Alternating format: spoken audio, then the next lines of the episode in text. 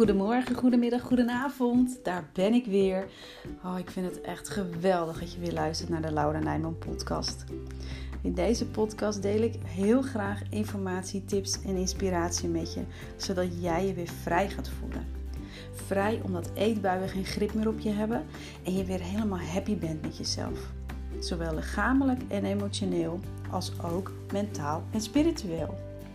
Want hoe zorg je er nou voor dat je geen eetbuien meer krijgt? Hoe laat je je emoties toe zonder overweldigd te raken? En hoe wordt ook jij een ex-emotieeter? Ik geef je de tools en handvatten om op een bewuste manier te gaan eten, leven en genieten. Pak jij ze aan? Ja? Nou, kom op dan. Je bent het verdorie waard.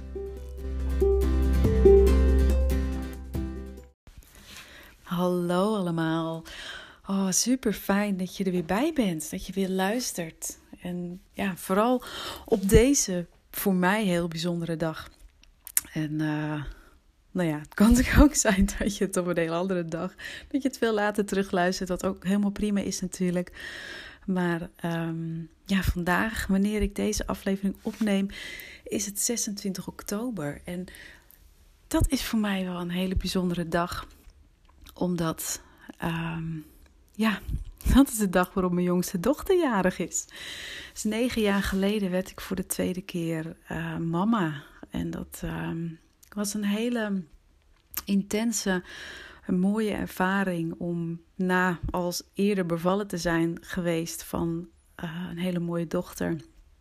Uh, weer opnieuw te mogen bevallen. En misschien denk je nu, uh, jij doet toch dingen met emotie eten en eetbuien en jezelf goed voelen en zo. Uh, waarom nu een verhaal over bevallen of over een verjaardag? Maar um, nee, dat heeft wel een reden. Want ja, ik zat vanmorgen, hè, die kleine van ons, nou ja, inmiddels is het ook niet zo klein meer, want ze is dus negen geworden, Ise. Die kwam, uh, die kwam bij ons uh, in bed kroelen. Tuurlijk was zij uh, vroeg wakker. Want ja, als je jarig bent en je bent negen, dan uh, is dat natuurlijk een, een ja, grote happening.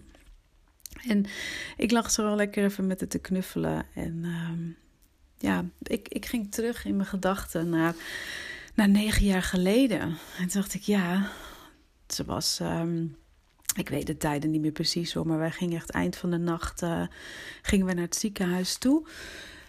En want de eerste de eerste bevalling toen ik beviel van Mea, dat is uiteindelijk een spoedkeizersnee geworden. Dus ik moest ook in het ziekenhuis uh, bevallen van Ise.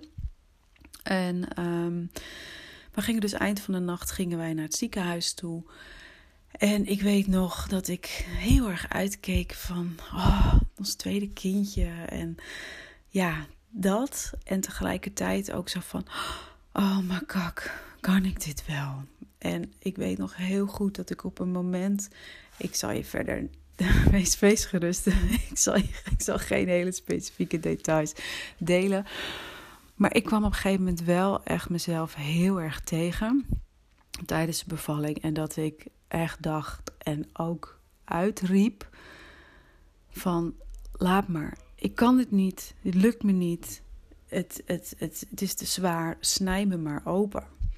Hè, ik, ik, de eerste bevalling, wat ik net zei, is in de spoedkeizersnee geëindigd. En um, ik had op dat moment er gewoon totaal geen vertrouwen in dat het zou lukken, dat ik dat kon. Het, ik voelde me niet sterk genoeg. Uh, ik had het gevoel dat dat, ja, dat gewoon niet kon. En ik wil daar heel graag een bruggetje mee maken want dat is dus hoe ik deze podcast altijd opneem. Ik word ergens door geïnspireerd. Ik, ik, er gebeurt iets of ik denk ergens aan. En dan denk ik, oh, maar dat kan ik met jou delen. Omdat daar gewoon een hele mooie les in zit. Of dat je er heel goed door geïnspireerd kan raken. Of nou ja, wat voor, uh, wat voor iets wat jij er dan in ieder geval voor jezelf uit kan halen. En ook al is er maar één iemand die dit vandaag moet horen, mag horen, dan is mijn dag, mijn dag sowieso al geslaagd, maar dan is ook mijn dag nog meer geslaagd. Maar ik wil graag het bruggetje maken naar het emotie eten. Want hoe vaak heb jij ook al niet gedacht En zijn ook gedachten die ik heb gehad hoor. Van ik kan het niet. Het lukt me niet. Ik ben nu eenmaal emotie eten. Ik, weet je, het gaat gewoon niet. Het is veel sterker dan mij. Maar het is niet waar. Dat is iets wat je jezelf alleen maar hebt aangepraat. Dat is wat ik me ook toen tijdens de bevalling van Isa mezelf aanpraatte dat ik het niet kon. Want uiteindelijk, en dat ging achteraf gezien ook best wel heel snel nog, zeker vergeleken bij de bevalling van, uh, van onze oudste. Ik kon het gewoon. Ik kon het gewoon. Ik deed het. En ik kon haar geboren laten worden. En dat is ook met emotie eten het geval. Het is iets wat, ja, wat je jezelf hebt wijsgemaakt. Wat je jezelf tot waarheid hebt aangenomen van ik kan dit niet. Ik kan hier niet van afkomen. Ik heb levenslang. Dit is wat bij me hoort. Ik ben nu eenmaal een emotie eten. Of welke andere gedachte, overtuiging, kronkel of iets je ook maar in je hoofd hebt gehaald. Waardoor je dit in stand houdt. En dit is echt iets wat ik. Ik wil het zo graag dat je dat voor jezelf eens gaat onderzoeken. Wat is het wat jij jezelf vertelt, waardoor je dit in stand houdt? Wat is het wat jij jezelf vertelt dat je het niet kunt, dat je er niet van af kunt komen?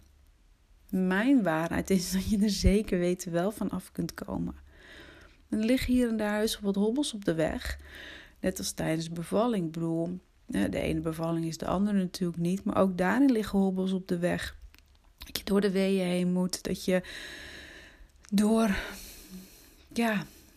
Uh, ik had ook alleen over mijn eigen bevallingen praten. Maar over het algemeen weet ik ook van andere vrouwen dat een bevalling, het is niet pijnloos. Je moet, daar, je moet er hard voor werken ook. Je moet er samen hard voor werken om je kindje geboren te laten worden. En dat is ook zo met, met eetbuien. je hebt daar iets voor te doen. Je hebt daar, zoals ik het noem, innerlijk werk voor te doen. Om de stappen te kunnen zetten, om het achter je te kunnen laten. En het is niet iets wat je even hop op in een dag kunt fixen. Nee, dat is iets wat, ik wil niet zeggen continu aandacht nodig heeft. Want dat, dan zou ik het wel heel, um, weet je, dat, dan zou ik het te zwart schetsen. Maar ook voor mij is het nu nog steeds dat ik me er bewust van mag blijven. Van, oh maar wacht even, ik voel me nu, hè, nu zit ik niet zo lekker in bevel. Um, laat ik er alert op zijn dat ik ga, hè, dat ik met dat gevoel aan de slag ga. In plaats van dat ik, nou ja, hè, ze liggen inmiddels alweer een lange breed in de winkel een zak pepernoten ga halen, bijvoorbeeld. Of op het moment dat ik uh, merk dat ik meer uh, snoepneigingen heb, dat dat een trigger, of niet een trigger is, dat dat een signaal is van: hé, hey, maar wacht, er is iets aan de hand. Dus het blijft werken, het blijft. Um, nou, aandacht vragen vind ik misschien een beetje negatief klinken, maar het is in ieder geval iets waar je wellicht alert of bedacht op mag zijn. Maar het belangrijkste is, is dat jij veel sterker bent dan dat je denkt. Jij kunt dit echt aan. Je kunt dit shiften, je kunt dit omturnen en je kunt ook een ex-emotie eten worden. En daarvoor mag je eerst gaan kijken van oké, wat heb ik mezelf allemaal ja, aangepraat? Welke overtuiging heb ik mijn eigen gemaakt? Welke kronkels, gedachtenkronkels zitten er in mijn hoofd die ik ben gaan geloven, die, die eigenlijk gewoon helemaal niet waar zijn? Wat is het wat, waardoor jij zegt van ik kan dit niet? Waardoor jij zegt nee, dit is te lastig, ik kan het niet. Wat zit daarachter?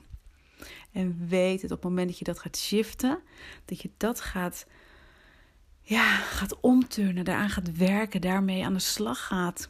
Oh, dan echt, dan kom je erachter dat je zoveel sterker bent dan je denkt. Echt zoveel sterker. En ik te denken wat ik nog meer daarover kan, kan zeggen. Het, het, nou ja, het, het, raakte mij vanmorgen gewoon even in de herinnering van, van het gevoel ook van echt, nee, ik kan dit niet, dit lukt me niet, ik kan dit kindje niet geboren laten worden, snij me maar open. Dat ik dacht van ja, maar dat is, dat is gewoon echt wat ik me in mijn hoofd heb gehaald.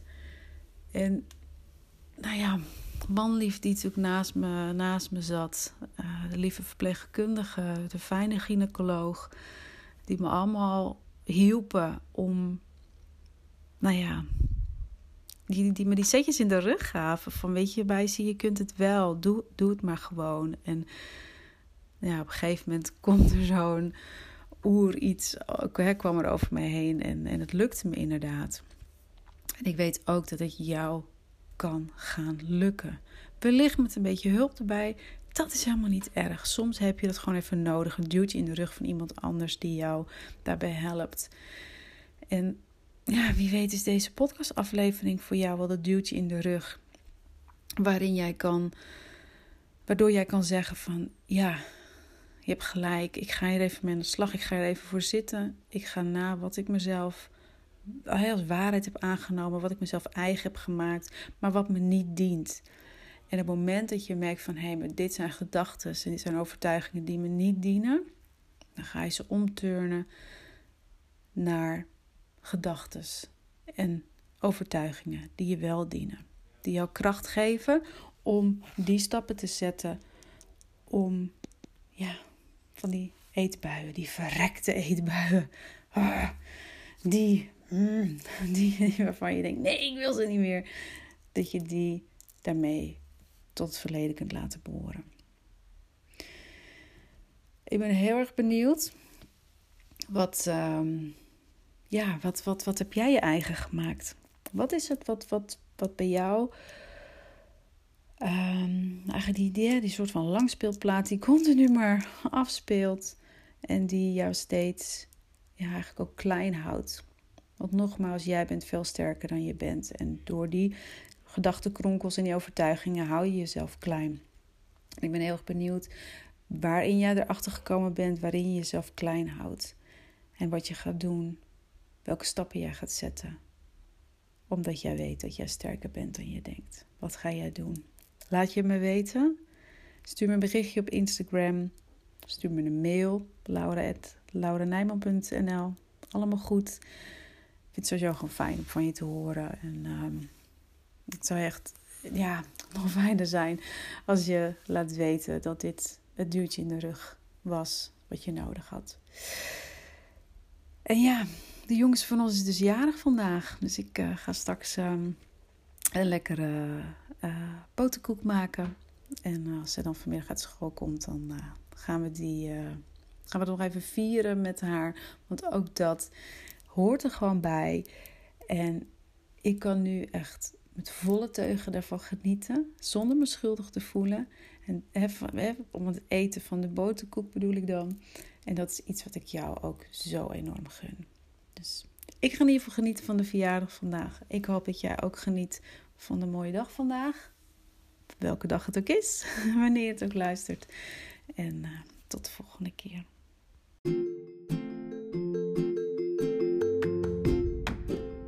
Wat fijn dat je er weer bij was. Ik hoop echt dat deze aflevering je weer nieuwe inzichten heeft gegeven waarmee je verder kunt.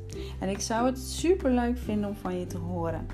Stuur me gerust een DM of tag me op Instagram of Facebook. Daarnaast is het mijn missie om zoveel mogelijk vrouwen te kunnen inspireren om ook een ex-emotie-eter te worden. En jij kunt me daarbij helpen.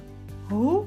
Door een duim omhoog te geven, een review onder de podcast achter te laten, deze aflevering te delen met anderen of je maakt een screenshot van de aflevering en je deelt die op social media. Ik ben je er nu al eeuwig dankbaar voor. Ik wens je nog een hele mooie dag toe en tot snel!